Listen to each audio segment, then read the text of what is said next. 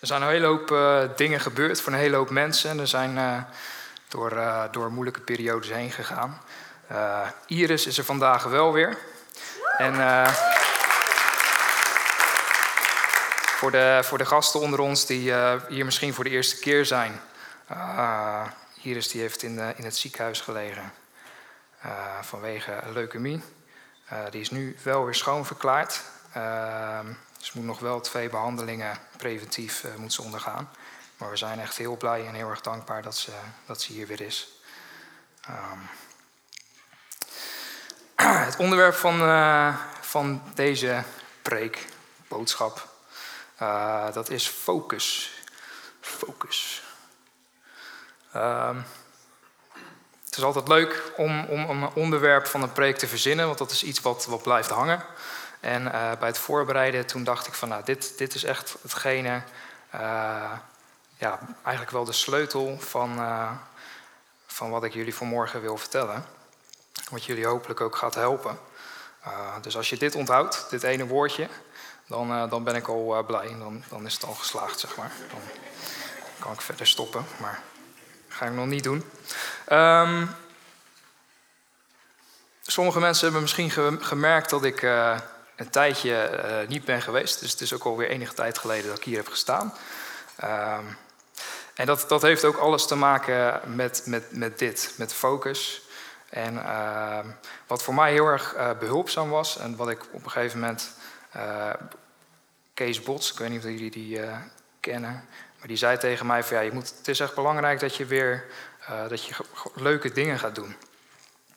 En uh, zodoende ben ik uh, begonnen met uh, motorlessen, motorrijlessen.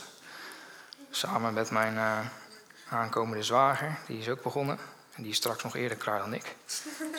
Beetje vervelend. Maar dat, nee hoor. Um, en, en, het is heel leuk dat je, en, en, Jezus die gebruikt dat ook in, als hij met de, naar de mensen praat, dan gebruikt hij allemaal parallellen vanuit het dagelijkse leven hele praktische dingen, uh, waardoor we uh, ja, sommige dingen heel praktisch worden en heel duidelijk.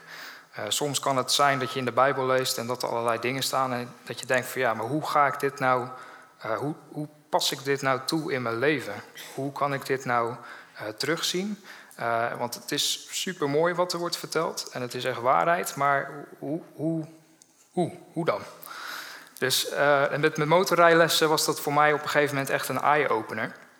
Ik heb een periode gehad dat ik heel erg uh, een heel hectisch jaar achter de rug. Uh, inmiddels anderhalf jaar geleden dat, dat mijn vader is overleden. Dus er was een, heel, een hele hoop is op me afgekomen. en ik merkte dat ik heel erg weinig geduld had. Echt een onrust in me.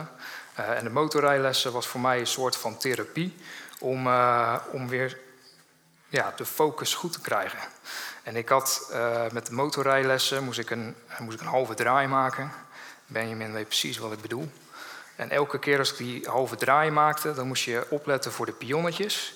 Want ja, daar wilde je niet overheen rijden. Dan, dan ging je al op je snuffert. Of als je eromheen ging. Uh, en het lukte mij steeds niet om dat, uh, om dat goed te doen. En ik uh, was drie keer op mijn plaat gegaan met een motor. Dus dat is niet zo heel uh, prettig. Ligt er in één keer 200, 300 kilo ligt bovenop je. En dat zorgde dat ik heel gefrustreerd raakte. En, en in die oefening, in het, in het rijlessen... Of, en in het leren van, van het maken van die halve draai... ja, heb ik echt wel iets heel erg belangrijks geleerd en een kernwaarde. Ehm, maar dat ga ik nu nog niet vertellen, dat komt pas met de eindconclusie. Ik wil jullie met, eh, met jullie kijken naar Romeinen 7 en Romeinen 8. Uh, eh, ik weet dat we al uh, de Romeinenbrief hebben al wel doorgelopen. Ook met Johannes en Casper voornamelijk, die ons daar doorheen gefietst hebben. Nou, dat klinkt een beetje oneerbiedig, maar die hebben daarin hele mooie dingen laten zien. en als er één iemand was die wist wat, wat genade inhield en die dat keihard nodig had, dan was dat Paulus wel. Uh, die in eerste instantie christenen vervolgde, zelfs christenen uh, doodmaakte. En vervolgens een aanraking kreeg met Jezus, wat totaal en compleet zijn leven veranderde. Ondanks dat hij uh, gigantisch veel Bijbelkennis had. Um, en het was, ja, het heel erg bijzonder, maar toen, toen David vorige week aan het preken was, Toen, uh, zeker dat laatste, de laatste helft van zijn preek, toen was het echt alsof hij het gras voor mijn voet aan het wegwaaien was. Dus ik dacht van ja, en bedankt Heer. Dan heb je iets in je hoofd dat je denkt van nou, daar moet ik over gaan spreken. En dan uh, is David net een weekje eerder. Volgens mij waren die preken ook nog omgedraaid. Dus dat, uh, nou ja. Maar dat is natuurlijk geen toeval. Dat is gewoon wel duidelijk dat, uh, dat de Heer gewoon iets voor ons heeft. En dat, ik geloof echt dat het heel erg belangrijk is dat dat op dit moment verteld wordt. dus dan gaan we naar de eerste tekst. Romeinen 7, vers 9. Ik heb heel even het boekvertaling genomen.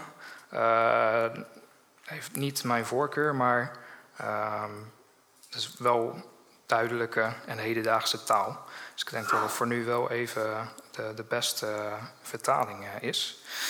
En er staat: Vroeger leefde ik zonder de wet. Maar toen ik de wet leerde kennen, ontdekte ik wat zonde is. En het leven maakte plaats voor de dood.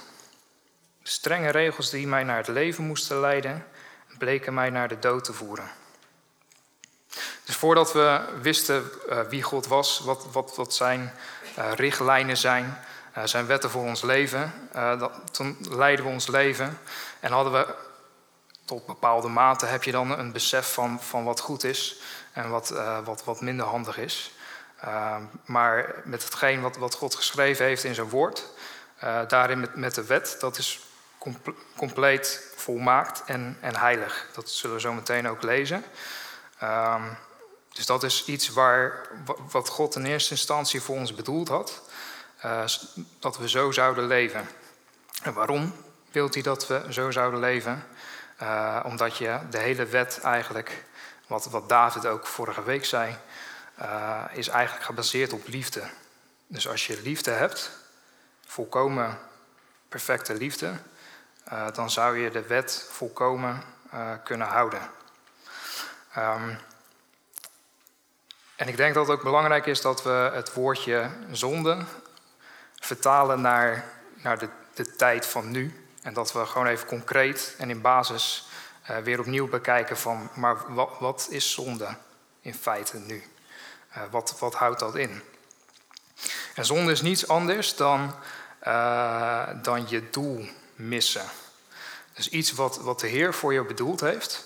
En soms kan dat, is dat heel erg duidelijk. Als je, als je iemand doodslaat, dan is dat wel redelijk duidelijk dat dat, dat niet helemaal de bedoeling is. Daar, daar heb je zelfs de wet van de Heer niet voor nodig. Maar zonde kan ook wel zijn uh, dat, je, dat je de overtuiging hebt dat je iets, dat je iets goed doet.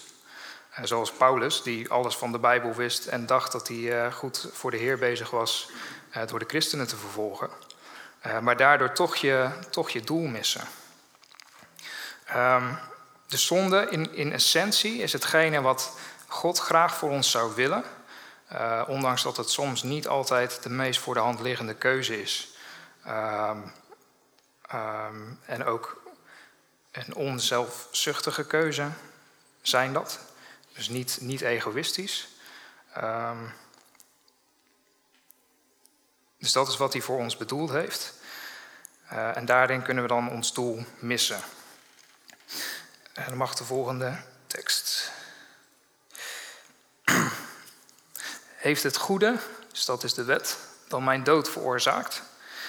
Geen sprake van. Het komt door de zonde, die heeft iets goeds gebruikt om mij de dood in te jagen. Daaruit blijkt haar ware aard. Wij weten dat de wet van God een geestelijke zaak is, maar ik ben een mens van vlees en bloed, die onderworpen is aan de zonde. En vooral dat stukje, daaruit blijkt haar ware aard. En dat is nogmaals, soms dan kun je bepaalde dingen of keuzes maken, eh, bepaalde dingen ondernemen met het vertrouwen uh, dat, dat, dat dat de goede weg is. Uh, en, en toch je doel missen. Dus daarin blijkt haar ware aard. Want dat is hetgeen uiteindelijk wat, wat leidt tot dood, tot pijn, verdriet uh, bij anderen. Uh, en uiteindelijk niet hetgeen wat, wat God voor ons heeft. God is zo'n goede God, een, een, liefdevolle vader die het beste met ons voor heeft. Um, dat blijkt uit het feit dat hij zijn zoon heeft gegeven, de God die het hele heelal omvat. en dan naar de aarde komt als nietige mens zoals wij zijn, uh, om voor ons te sterven. Maar ik ben een mens van vlees en bloed die onderworpen is aan de zonde. Dus we hebben nu aan de ene kant hebben we de wet, waaraan we weten dat dat goed is en dat we dat uh, zouden moeten houden. Als we dat kunnen houden, uh, de, de wet is heilig en de wet is perfect. Als we daaraan kunnen voldoen, dan leven we zoals God het uh, bedoeld heeft. Zoals Hij het graag voor ons zou willen, vanuit liefde. Uh, daarin staan de verboden in en de geboden. Maar we gaan zien dat dat, dat, dat niet gaat lukken. in de volgende gedeelte. Mijn doen en laten zijn voor mijzelf een raadsel. Want ik doe niet wat ik graag wil. Nee, ik doe juist dingen waar ik een hekel aan heb. Ik doe dus wat ik niet wil en daaruit blijkt dat ik het met de wet eens ben en dat ik die juist vind. En dit is al heel erg belangrijk. Als je tot deze conclusie kan komen, uh, dan ben je al wel een stap verder. Uh, en dan ben je in principe op de goede weg. In zoverre, uh, als je weet dat bepaalde dingen, patronen in je leven, dat, dat dat niet hetgene is wat, wat de Heer voor je heeft, um, dan is dat de eerste conclusie die je trekt, waarvan je denkt van nou, dat, uh, dat is goed. En dan komt nu het cruciale en het hele belangrijke. Uh, hoe gaan wij dit veranderen? Niet. Dat kan ik je. Dat kan ik je uit eigen ervaring vertellen. Maar ik heb jarenlang ook uh, geworsteld met dingen dat ik dacht van... hé, hey, maar dit is niet wat de Heer voor me heeft. Uh, dit is niet hoe Hij zou willen dat ik zou leven. En dit is niet wat Hij graag voor mij wil. Dus ik was me er bewust van. Ehm, en ik ging het proberen vanuit eigen kracht. Want ondanks dat, ik, dat we de genade hoorden... dacht ik van ja, maar dit, dit is niet hoe ik wil zijn... Dus ik ga proberen om dat andere te doen. En mijn focus was op hetgene waarin ik tekort schoot en wat me niet lukte. Dus ik doe dus wat ik niet wil en daaruit blijkt dat ik het met de wet eens ben en dat ik die juist vind. Wel, dan doe ik die slechte dingen niet zelf, maar de zonde die mij beheerst. Dus de zonde wat, wat in nature in ons zit, uh, wat in basis eigenlijk een, een stukje uh, egoïsme is. Dat zie je in de eerste zonde in het Hof van Edel, waarin de duivel uh, Eva verleidt en Adam ook. Ehm, door te zeggen van ja, maar als je van deze boom eet, dan, dan zal je gelijk zijn aan God. Dan zal je kennis hebben van goed en kwaad. En daarin zie je al het beeld naar de wet. De boom van het leven, symbool voor Jezus en de boom van kennis van goed en kwaad. En dat is de wet.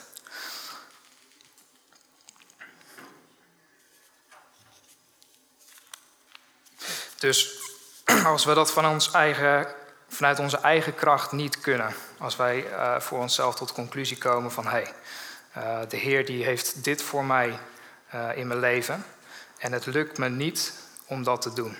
Het lukt me niet zelf. Um, hoe gaan we dan uh, daarmee om? En hoe gaat het uiteindelijk wel lukken uh, om, om de goede dingen te doen die Hij voor ons klaar heeft?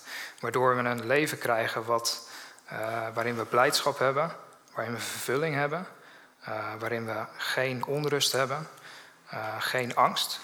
Als je kijkt naar het leven van Jezus, dan ik vind dat zo bijzonder. Er zit totaal geen uh, logica in of geen, geen rode draad. Als je kijkt waar Jezus allemaal naartoe ging, dan zou je niet kunnen zeggen van, oh, nou hij is nu in dit stadje geweest, dus dan zal hij ongetwijfeld daarheen gaan. Want dat, dat zou het logische gevolg zijn. Maar dat was totaal niet aan de orde. In die zin zit er, lijkt er geen, uh, geen logica te zitten. En toch was hij overal op het juiste moment, op de juiste tijd, uh, om bevrijding te geven aan de mensen die dat op dat moment nodig hadden. Uh, en daarin had hij, ik heb wel eens iemand horen zeggen, Jezus is, uh, was de meest relaxte persoon op aarde. Gewoon geen, geen angst, geen stress. En zeker in deze huidige tijd en maatschappij waarin er zoveel op ons afkomt. Uh, waar het voor jongeren zo belangrijk is van ja, maar hoe ga je je hele leven uitstippelen? Wat moet je bij een bepaalde leeftijd hebben bereikt? Um, en daarin zie je totaal geen, geen druk, alleen maar vrijheid, rust, vrede, uh, blijdschap. Mag de volgende tekst. Nou. Ik weet dat ik door en door slecht ben, tenminste wat mijn oude natuur betreft. Ik kan het goede niet doen. Ik wil het wel, maar ik kan het niet. Zo ervaar ik steeds weer, als ik het goede wil doen, kan ik het niet laten het slechte te doen. Dat is weer die focus die we hebben.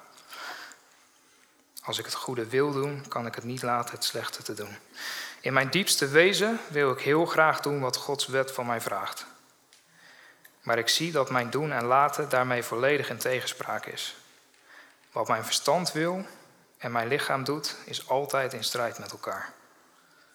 Dus in ons verstand bedenken we van ja, maar ik, zou graag zo willen weten, om, leven. Omdat ik weet dat God het beste met me voor heeft. Omdat hij me blijdschap wil geven, uh, gezondheid, uh, goede relaties met anderen, succes op uh, gebied van, van werk. Um, nou, noem al dat soort dingen maar op. Um,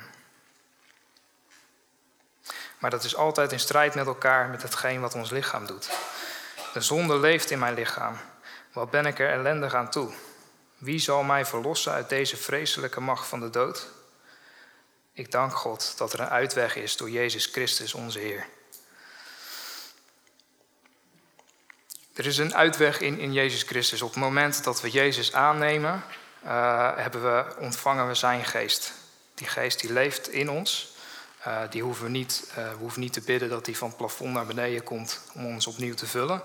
Op het moment dat we de geest, dat we kiezen voor Jezus, komt die in ons wonen. Uh, we kunnen hem dan ook niet meer wegjagen. Dat hij de ene moment er wel weer is en het andere moment weer niet.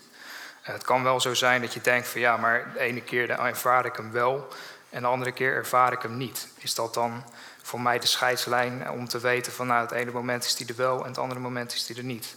Nee, absoluut niet. Dat heeft te maken met het feit of dat we uh, afgestemd zijn, hoeveel tijd we met hem uh, doorbrengen, uh, maar ook in een hele moeilijke periode waarin je, je ziel alle kanten op gaat en je emoties alle kanten op gaan. om dan toch te weten dat hij er is, dat hij bij is, ondanks dat je dat niet voelt. Dus er is een uitweg in, in Jezus.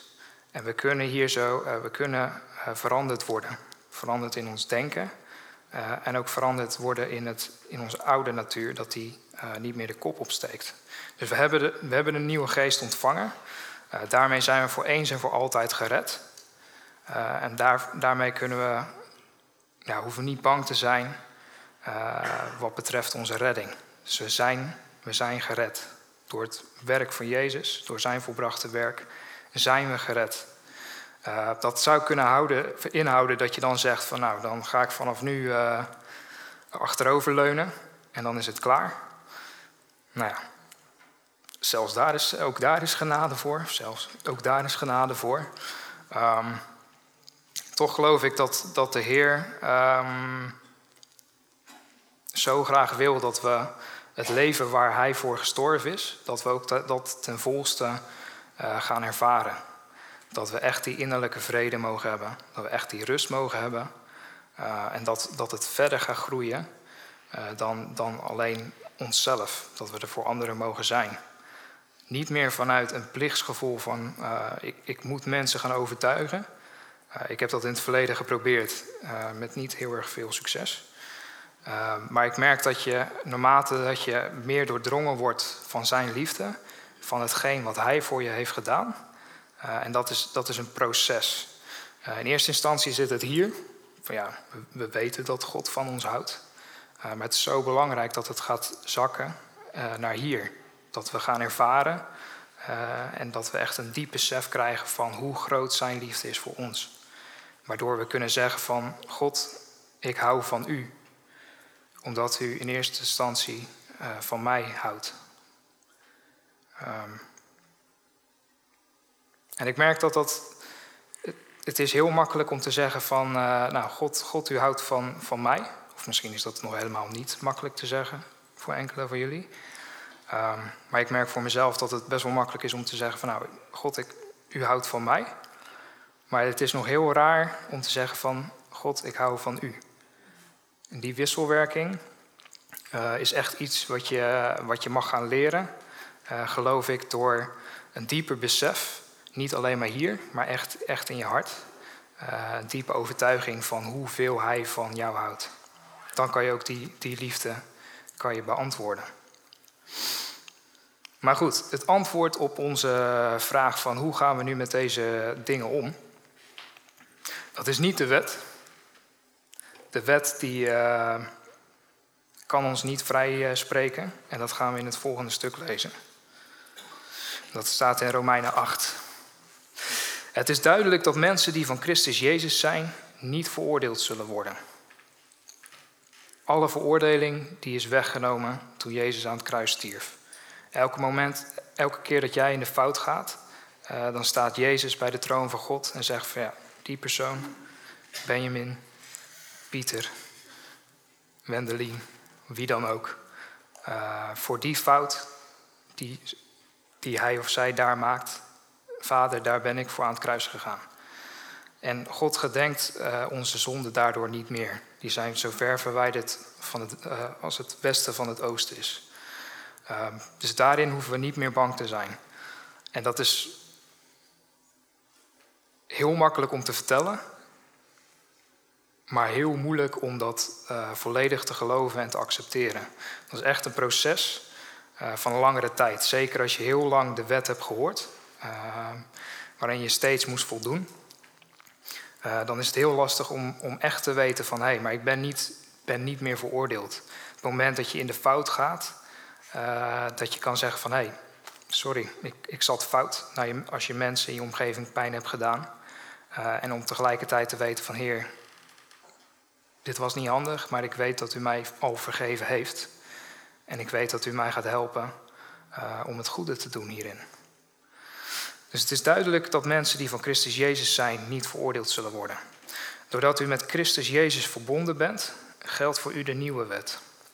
De wet van de geest. De wet van het leven.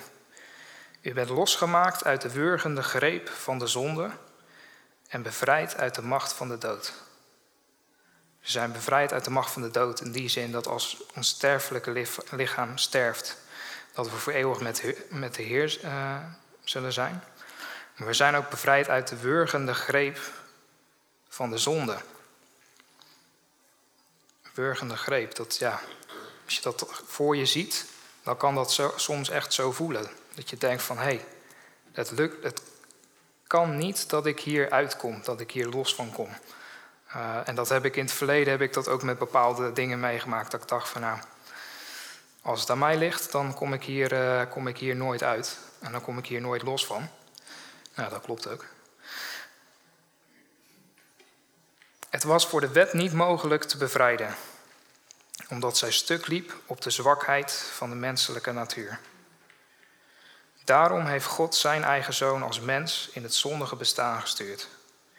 Om ons te bevrijden van de zonde heeft hij het oordeel van God op zich genomen. Nu wordt aan de eis van de wet voldaan, want wij doen niet meer onze eigen zin, maar laat ons leiden door de Heilige Geest. Wie zijn eigen zin doet, denkt en leeft alleen op natuurlijk vlak. Maar wie zich door de Heilige Geest laat leiden, denkt en leeft geestelijk. Even terugkomend op het verhaal met, uh, met de motorrijles. Ik was uh, inmiddels drie keer, uh, drie keer op mijn plaat gegaan. En ik stond, stond op het punt om die hele motor af te breken. Dus ik, was lichtelijk, uh, lichtelijk gefrustreerd dat het, dat het me niet lukte. En deels kwam dat te maken met, met die pionnetjes die ik continu zag. Deels zat dat in de, in de angst dat ik niet echt geloofde dat ik die draai kon maken. Je moet je voorstellen dat als je op een fiets zit, dan, dan stuur je zo. Maar met een motor moet je echt ja, overleunen. En moet je met je lichaam moet je, moet je tegenleunen. Voetremmetje en gasgoed en zo, dat is allemaal best wel ingewikkeld op het begin als je daar allemaal over na moet denken. Dus in eerste instantie had het te maken met angst. Angst om te vallen, angst om niet de bocht te kunnen maken. En het focus op het pionnetje. Want op het, op het moment dat ik het pionnetje zag, dan ging ik er of vol overheen, of ik wilde het niet raken en ik kneep in mijn handrem en dan ging ik, ging ik weer om. En wat ik daarin heb geleerd is dat je, uh, je moet kijken waar je naartoe gaat. Klinkt vrij simpel, klinkt ook best logisch. Net als met een auto, als je een boom ziet en je, gaat, je rijdt heel hard, je remmen doen het niet meer en je ziet een boom in het weiland, dan moet je niet naar de boom kijken, want dan kan het hele weiland uh, heel groot zijn en uitgestrekt, maar dan ga, je, dan ga je tegen die boom aan. Dus je moet niet kijken naar hetgeen uh, wat, je, wat je niet wil raken. Uh, zo was dat ook met de motor. Dus ik moest niet naar het pionnetje kijken, ik moest gaan kijken waar ik naar heen, waar ik naartoe wilde. En ik, moest, en ik moest niet bang zijn. Dus ik moest vertrouwen dat die motor de bocht kon maken. Want ik wist dat het kon, want de instructeur die had het voorgedaan en die had het laten zien dat het mogelijk was. Dus dat heeft een tijdje geduurd en uiteindelijk is het gelukt. En toen, ja, toen het eenmaal lukte, toen was het echt uh, super simpel. En dat, dat, ik dacht van ja, waar, hoe, hoe kan het nou zo moeilijk zijn geweest? En dat had alles te maken met je focus verleggen uh, naar, naar waar je naartoe wil gaan. Um, en nou draai ik pirouetjes en rondjes als een, als een kunstschaatser. Maar, en nu vind ik het in één keer heel erg leuk. Dus wat, wat is hierin de parallel naar hetgeen wat we, wat we willen doen? De dingen die we willen doen, maar wat niet lukt. Uh, en de dingen die we niet willen doen, die we juist wel doen. Uh, dat heeft alles te maken met, met focus. En dat is ook hoe ik in het verleden uh, met bepaalde dingen ben veranderd, is echt naar Jezus kijken en het van Hem verwachten. En daarin mogen we, zeker als de wijngaard zijnde, en dat, ja, dat, dat bid ik ook echt voor ons als gemeente, dat we daar gewoon open in worden en open in zijn. En ik merk dat heel veel mensen dat, dat al doen. We hebben geweldige mannenavonden ook, waarin we elkaar kunnen bemoedigen uh, doordat, we, doordat we open zijn. Doordat we durven zeggen van hé, hey, maar dit zijn de dingen waar ik mee worstel. Dit zijn de dingen waar ik angst voor heb. wat, wat pijn doet, wat verdriet doet. noem maar op. Dit zijn de dingen wat, wat, wat me niet lukt. En dan is het zo belangrijk dat we als lichaam elkaar helpen en naar Jezus wijzen. en dat we, dat we het van Hem mogen verwachten. Alleen Hij kan dat door ons heen doen. Alleen Hij kan die verandering brengen. En Hij kan alleen voor zorgen dat we gaan leven um, zoals Hij het bedoeld heeft en zoals Hij het graag voor ons wil. Um, is onze focus op Jezus. En wat, wat daarin ook heel erg behulpzaam is en wat heel erg uh, helpt, is om gewoon echt je, je hart, en dat heb ik geleerd in de afgelopen periode, uh, is om echt je hart uit te storten bij, bij, bij God. Uh, om gewoon te zeggen van Heer, ik weet, ik weet wat ik zou moeten geloven. Ik weet dat het waar is. Ik weet dat het er staat en dat ik erop mag vertrouwen. Maar het lukt mij niet in mijn ziel, in mijn emotie, om, dat, om daarop te vertrouwen, om dat te geloven. En voorheen heb ik wel een beetje ervaren dat dat een soort van nat dan was. Je moest eigenlijk wel een soort van je geloofskaart ophouden en zeggen van hé, hey, maar we moeten dit gewoon alleen maar geloven en hieraan vasthouden. En al het andere, dat moeten we blokkeren. Nou, dat heb ik, heb ik gedaan met een stukje uh, verdriet verwerken van mijn pa. Dat heb ik geblokkeerd en niet toegelaten. En ik moest gewoon vooral Jezus uitdragen en laten zien uh, wie hij was. Dan loop, je, dan loop je stuk. Want dan ga je het toch weer vanuit jezelf proberen en vanuit je eigen kracht doen.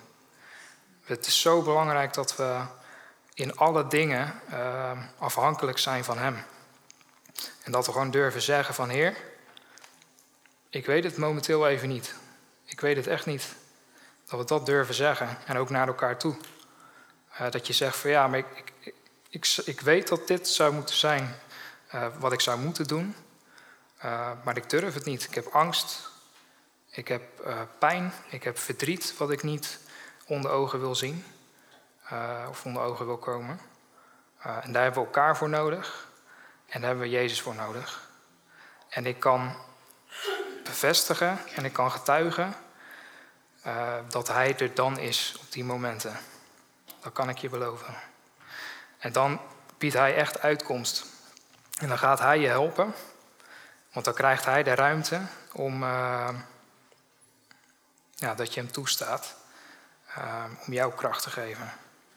En om je te helpen.